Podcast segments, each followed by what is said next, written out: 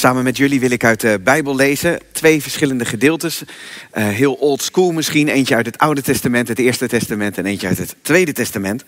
En uh, uit het Oude Testament lezen we Psalm 122.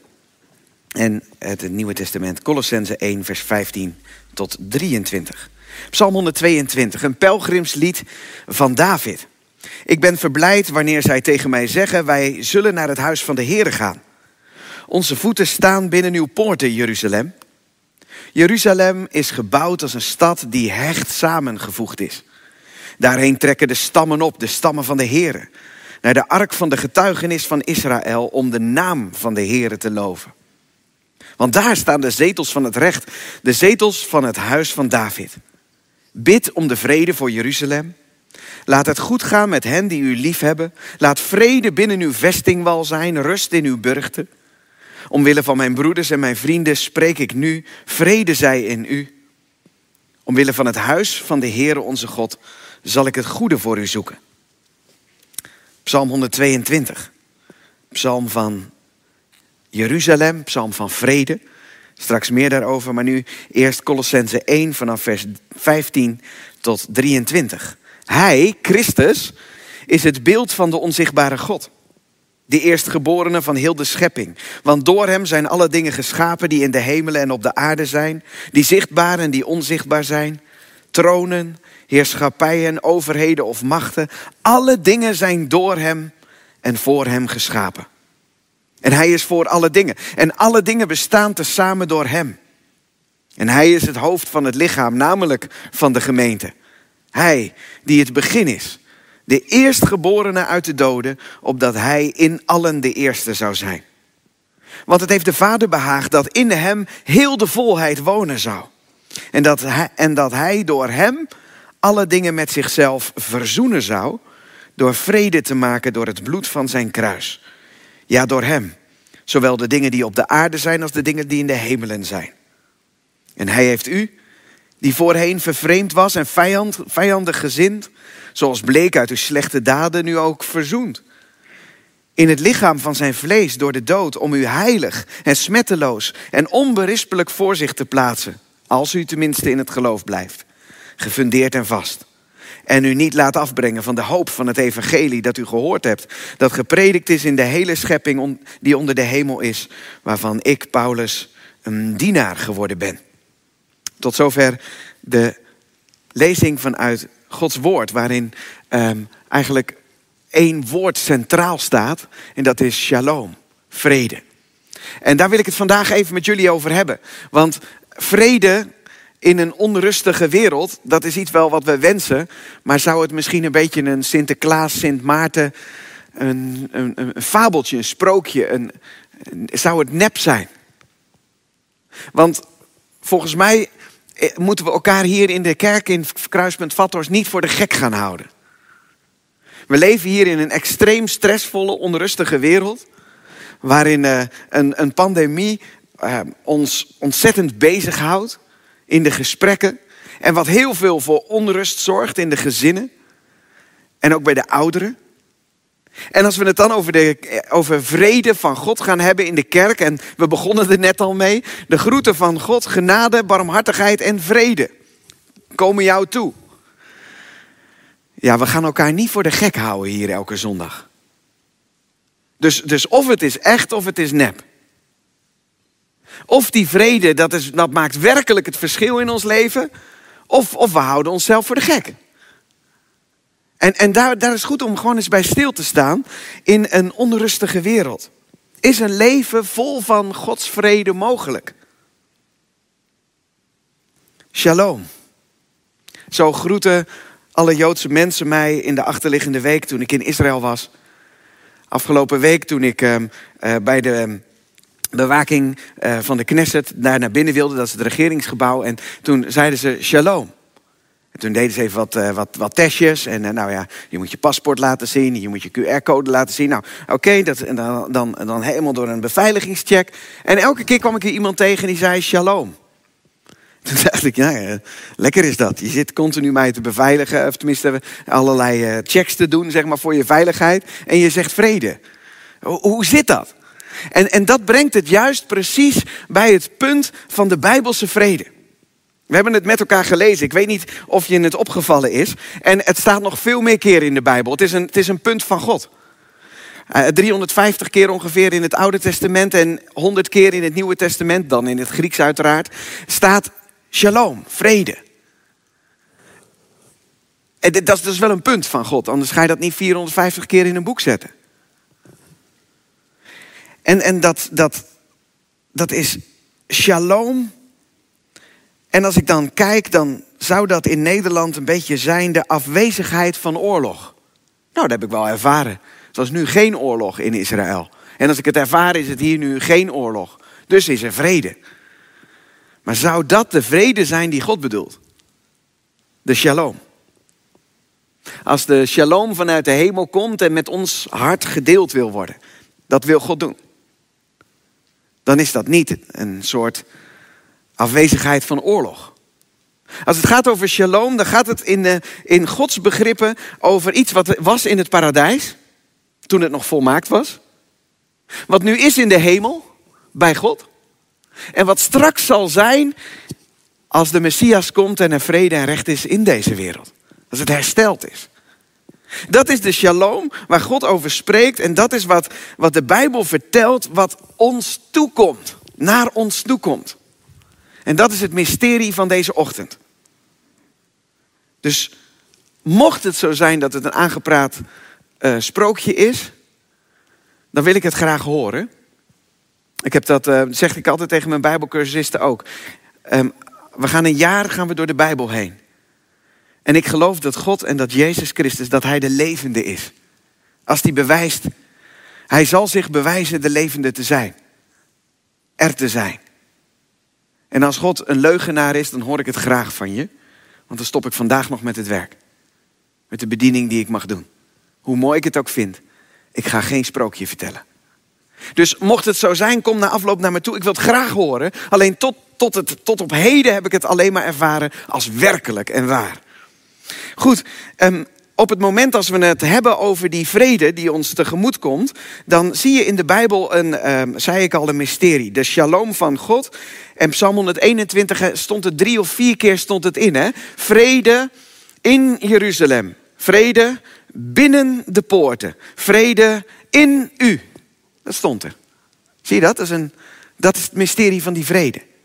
Er staat niet dat Israël altijd in vrede zal leven. Nee, de naam zegt het al. Uh, Isra, strijder van El, God. Strijder Gods. Er zit een strijd in. Alleen al in de naam zit strijd. Maar ook God.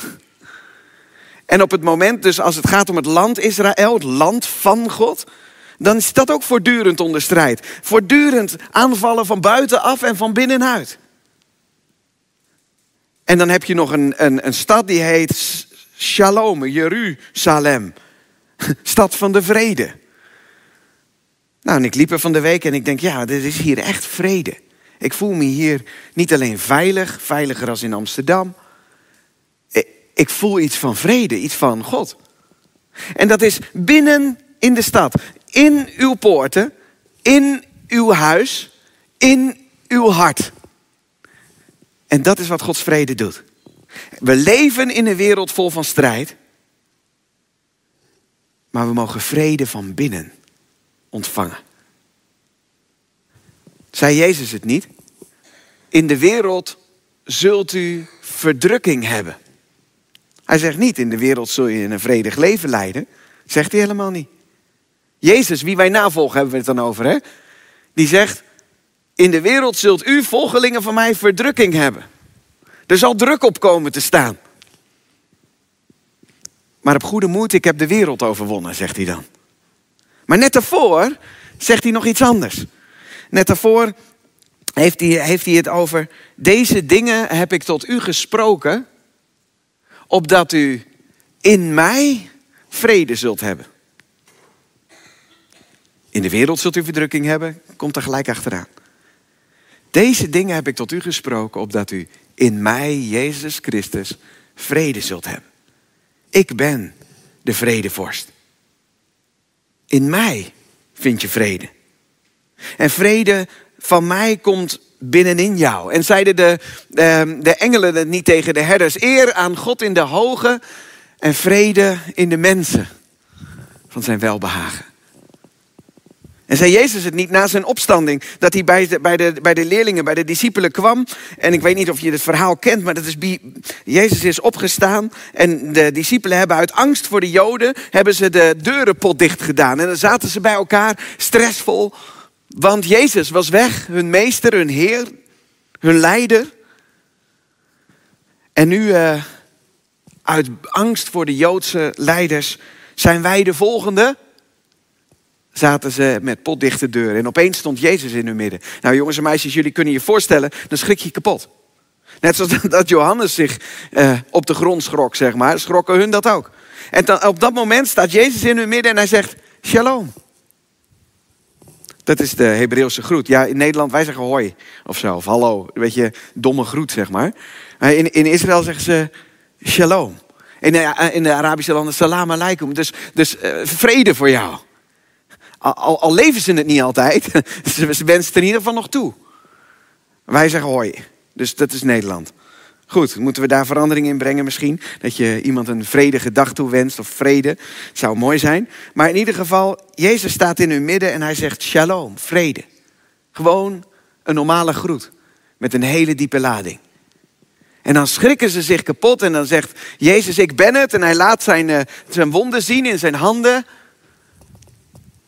En dan zegt hij het nog een keer, want het, de vrede is nog niet echt geland bij ze. En dan zegt hij het nog een keer, shalom. Zoals de Vader mij zond, zend ik ook u. Mijn vrede komt je toe.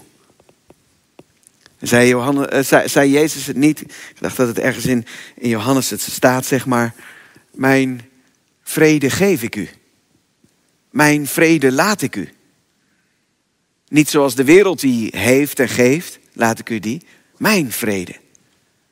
Dus Jezus zegt tegen zijn discipelen voordat hij gaat sterven: Ik laat een erfenis na voor jou en dat is voor jullie en dat is mijn vrede. In deze wereld vol spanning, vol strijd, vol onzekerheid, vol aanvechtingen. Vrede van mij, voor jou. Dat zal je typeren, discipel van mij. Dat is de erfenis die ik je meegeef. De essentie van de vrede, van de hemelse vrede, ligt in de harmonie met God. In mij shalom, één groot geheim. En ik zie christenen om ons heen. Gelukkig, ik volg u niet, dus ik kan dat niet van u zeggen. Dus in Amersfoort zal dat totaal anders zijn. Maar daar waar ik kom, zie ik christenen vol zijn van alles en nog wat, maar niet van Jezus vrede. We doen mee met, met, met allerlei spanning zaaien, met uh, de ene complot na de andere omhoog fietsen, zeg maar. En we moeten het allemaal kunnen duiden. En ik was nog niet koud geland of een programma belde mij en zei van... zou u bij ons programma kunnen komen om te duiden wat er nu allemaal gebeurt? En wij vinden het allemaal zo belangrijk dat we er allemaal iets van moeten vinden... en het allemaal in controle moeten houden. En dat wij sturing daarover hebben en dat wij het weten...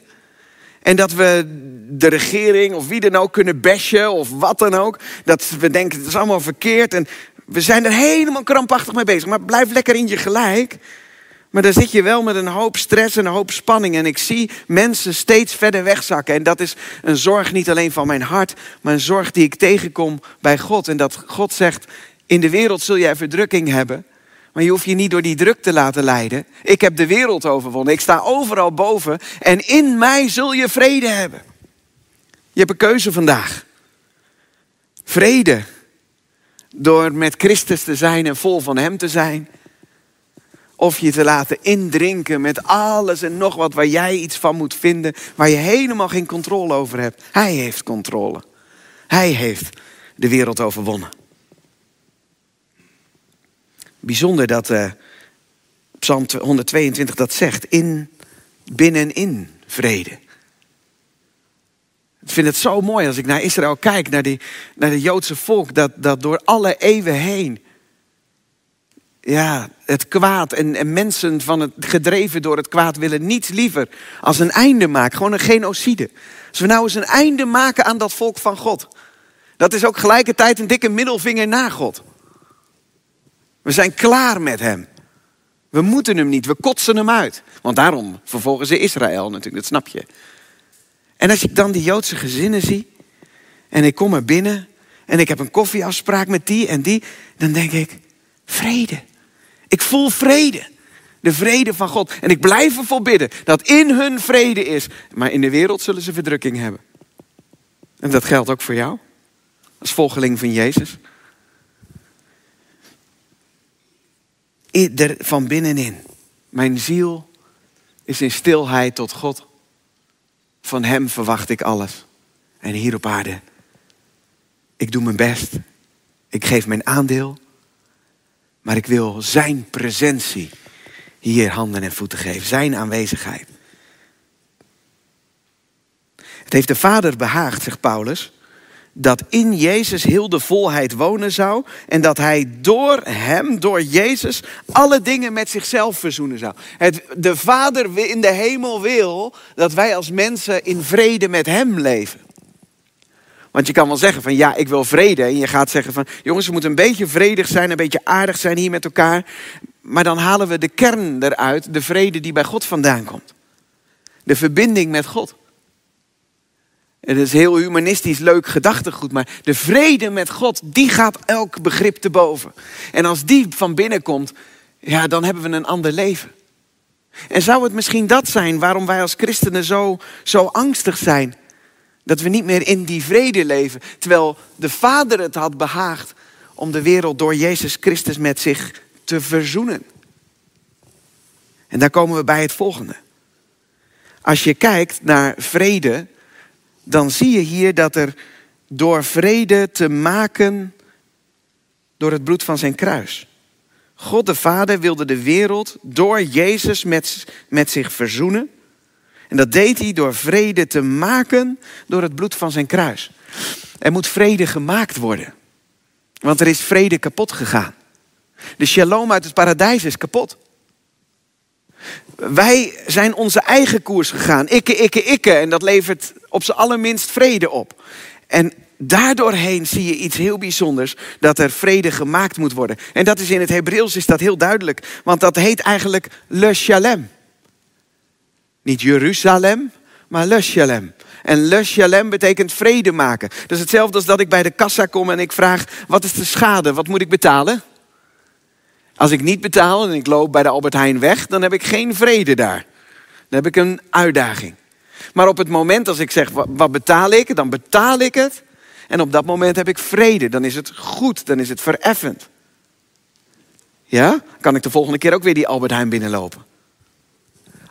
Naar God toe ook.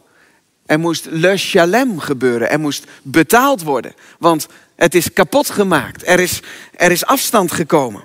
En zo is dat uh, um, gekomen. En dan zie je dat bijvoorbeeld Jezaja zegt... de vrucht van de gerechtigheid, dat het recht is... is shalom, is vrede. De vrucht van dat het recht tussen mij en God is... is dat mijn hart is vol vrede. En mijn hoofd. Mijn lichaam. Romeinen 5, vers 1 zegt: Wij dan, gerechtvaardigd uit het geloof, hebben vrede bij God door onze Heer Jezus Christus. Dat is dat verzoenende werk wat Jezus heeft gedaan. Hij heeft le shalem. Hij heeft vrede bewerkt, betaald. En God bevestigt zijn liefde voor ons. Dat Christus voor ons gestorven is toen wij nog zondaars waren. Veel meer dan zullen wij, nu wij gerechtvaardigd zijn, recht staan naar God toe. Door zijn bloed, door hem behouden worden van de toorn. Want als wij, toen wij vijanden waren, met God verzoend zijn door de dood van zijn zoon, hoeveel te meer zullen wij, nu wij verzoend zijn, behouden worden door zijn leven. En dit niet alleen, maar wij roemen in God door onze Heer Jezus Christus, door wie wij de verzoening ontvangen hebben, waardoor de shalom kan stromen. Er is betaald voor de vrede. En Jezus zei het daarom. Mijn vrede laat ik u. Mijn vrede geef ik u. Niet zoals de wereld die geeft, geef ik u die. Hoe is het met jouw intrinsieke vrede? In jou. Fake je het? Of mag je heb je vrede in je. Allereerst met God. En dan sta je ook anders in deze wereld. Dan kan je ook naar je collega's en wat voor functie je ook in deze maatschappij hebt, kan je ook uh, vredebrenger zijn. Hoe liefelijk zijn zij die de vrede boodschappen. Zalig zijn de vredestichters. Of is er heel veel onvrede? En ben jij inderdaad bezig met alles te proberen te forceren om je heen en lukt het niet? Is er onvrede tussen God en jou door zonde? Gewoon doordat je wat je in je leven hebt toegelaten. Of is er onvrede door in je lichaam door, door ziekte? Dat kan zomaar. Dat is ook geen shalom, hè? Mensen die chronisch ziek zijn, kunnen het met mij beamen. beamen. Dat, dat kan zo in de weg staan. Dat kan zo dat je zegt, ja, ik heb geen shalom. Ik met mijn discipelschapsgroep, we zaten bij elkaar en we hadden het over de vrede. De vrede van God, de liefde van God, de genade van God. En toen, toen zei ik van, joh, bedenk eens, noem eens één ding, gewoon naar elkaar toe, waarin je ervaart dat er geen shalom is. Geen vrede. Nou, toen zei de eentje, ja, mijn, mijn verslaving. Mijn verslaving zorgt ervoor dat ik geen vrede heb met God. Elke keer weer. Heel eerlijk, oprecht. Ja, zei de volgende. Ik kwam hier in een scootmobiel aanrijden, Bert. Maar ik heb geen vrede. Alles in mij zit strijd, zit spanning, waardoor ik in een scootmobiel zit. Ze wist het haar fijn voor zichzelf te benoemen. Ik zeg, oké, dan gaan we bidden dat de vrede van de Heer Jezus in, in jou zijn. Waarom je gaat naar een verslaving, waarom je daarna grijpt, of dat hij daar komt of in, in jouw lichaam kan komen. En nee, God fixt niet alles, dat, dat hij alles maar nu goed maakt, maar hij maakt het wel goed tussen jou en hem. Kijk maar naar bijvoorbeeld een eh, getuigenis als uh, Christa Rosier of Kinga Baan, die aan kanker gestorven zijn, maar op, op jonge leeftijd, maar het goed hadden met God. Vrede ontvingen. Als we kijken in Lucas 7, dan zien we een zondares naar Jezus komen. En dan, um, dan, dan zalft ze hem. En dan komen die, um, die, die schriftgeleerden enzovoort, die vinden daar allemaal wat van. En dan zegt Jezus tegen die zondares, uw zonden zijn u vergeven. Le shalem. Er is voor betaald. En zij die meelagen begonnen tegen zichzelf te zeggen, maar wie is hij die dan ook de zonde vergeeft? En Jezus negeert dat en hij zegt tegen die vrouw, let op, ga heen in vrede. Zo gaat dat. Ze komt naar Jezus toe. Ze bewijst Jezus haar liefde. En Jezus zegt, uw zonden zijn u vergeven. De blokkade tussen God en jou is weg. Je kunt gaan in vrede. Is er een blokkade tussen jou en God wat zonden heet? Ga naar Jezus. Hij kan zeggen, uw zonden zijn u vergeven. Ga heen in vrede. Wat indrukwekkend.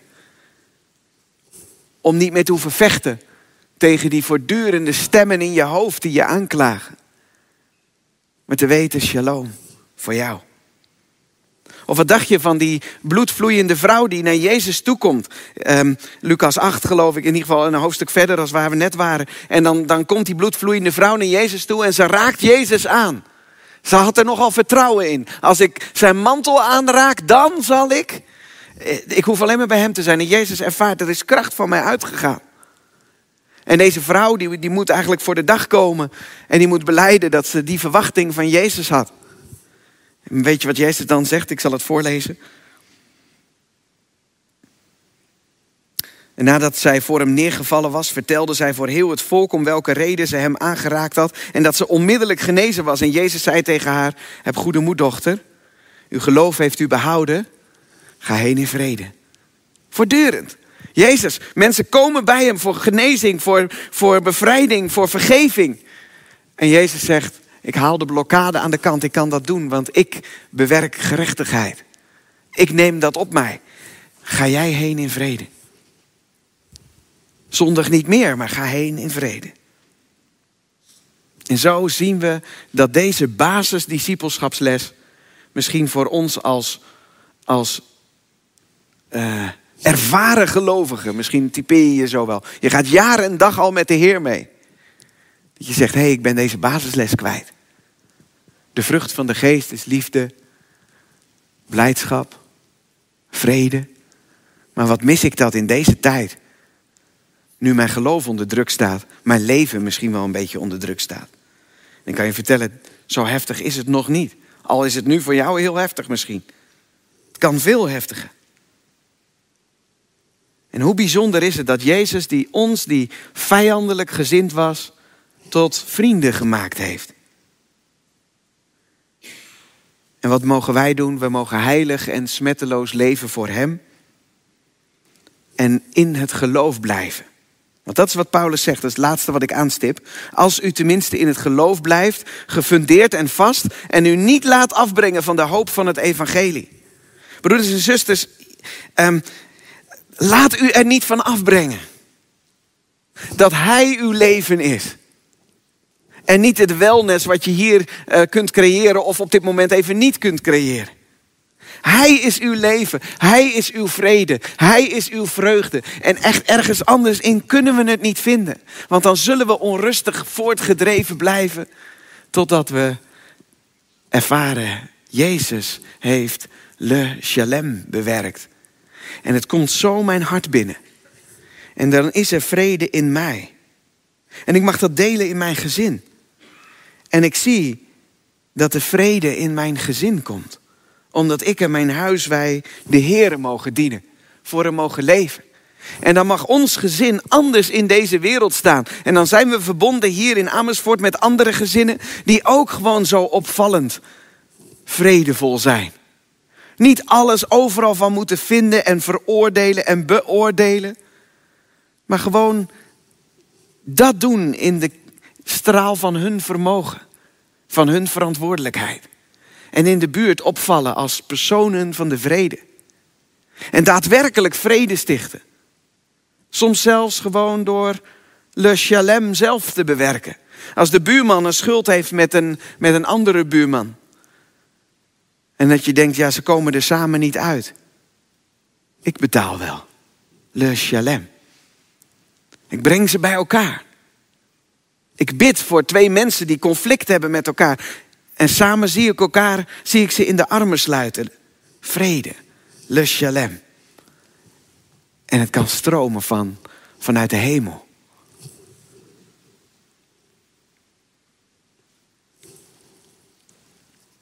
Nog één dingetje. Hoe bestaat het dat jij als gelovige, als je een gelovige bent, met minder genoegen neemt? Als dat wat God aan wil bieden. Waarom leef je zo onder de maat misschien wel? Waarom giert het van binnen van de stress, van de spanning, van de angst? Terwijl Jezus een stroom van vrede aanbiedt die niet stopt. Waarom leef je niet dan bij die bron? Mag ik je dat vragen? Er is één Hebreeuws woordje wat ik je dan nog wil leren en dat is shuf. Shuf, daar maak ik deze handdraai bij. Dat betekent bekeren, omkeren. Als je deze kant op gaat en het is vol angst, spanning en strijd. Shuf, omkeren. Leven vanuit de bron naar de bron toe. En zei Jezus dat niet? Om vanuit die vrede de wereld in te gaan. En onthoud één ding. Blijf in mij. En ik in jou. En dan draag je veel vrucht. En de vrucht van het leven met Jezus is shalom. Groeit dat al aan jouw boom? Amen. Ik wil samen met jou uh, en jullie thuis en mensen hier bidden. En daarna gaan we een prachtig lied zingen.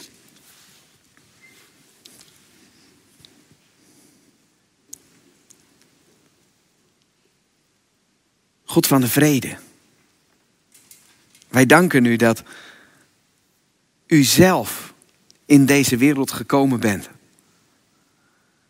Om er weer vrede in te brengen. In harten van mensen. Wij danken u, vredevorst, Heere Jezus Christus, voor uw komst naar deze aarde. Waardoor we vanuit uw vrede mogen leven. het leven ervan te genieten.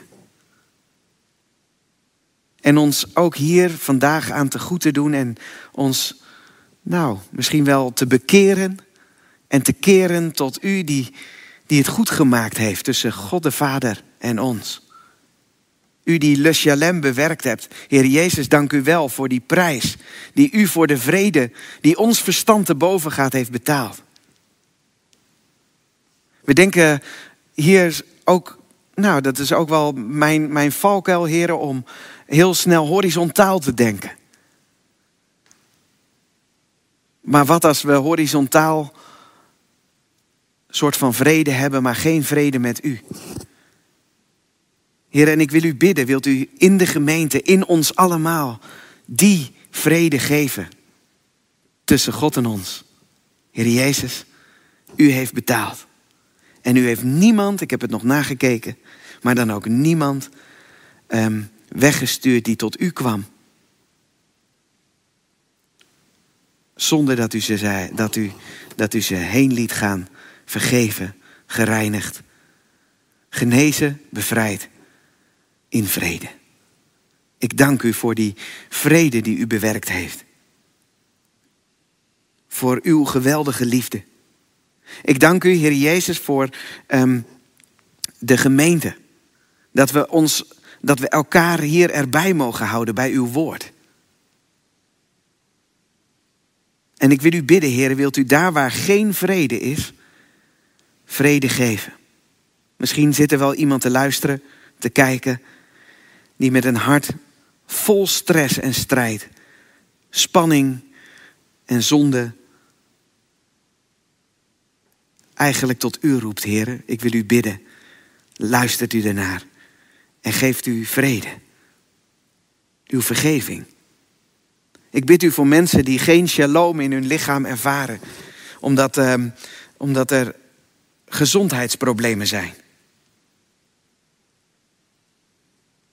En ik bid u, heren, allereerst dat, dat er vrede mag zijn tussen u en die mensen. En tegelijkertijd wil ik u bidden om uw shalom naar geest, ziel en lichaam. Dat het door ons heen mag trekken. En dat we daarvan mogen getuigen wat u heeft gedaan. Wees u zo bij de zieken. Wees u bij de mensen die, die in, een, in donkerheid, in een depressie leven. Wat kan het zwaar zijn? Wat kan het duister zijn? Wilt u niet het licht zijn aan het einde van de tunnel, maar ook midden in de tunnel, Heer Jezus? En dat uw stok en uw staf vertroosting geven. Dat u erbij bent. Heer Jezus, wilt u zo zijn bij deze gemeente? Houdt u ons allemaal vast. Houdt u ons bij uw woord. En geef dat we, ook nadat we ons vandaag weer te goed hebben gedaan aan uw vrede, dat we ambassadeurs mogen zijn. En ieder op zijn of haar plekje. In uw naam. Amen.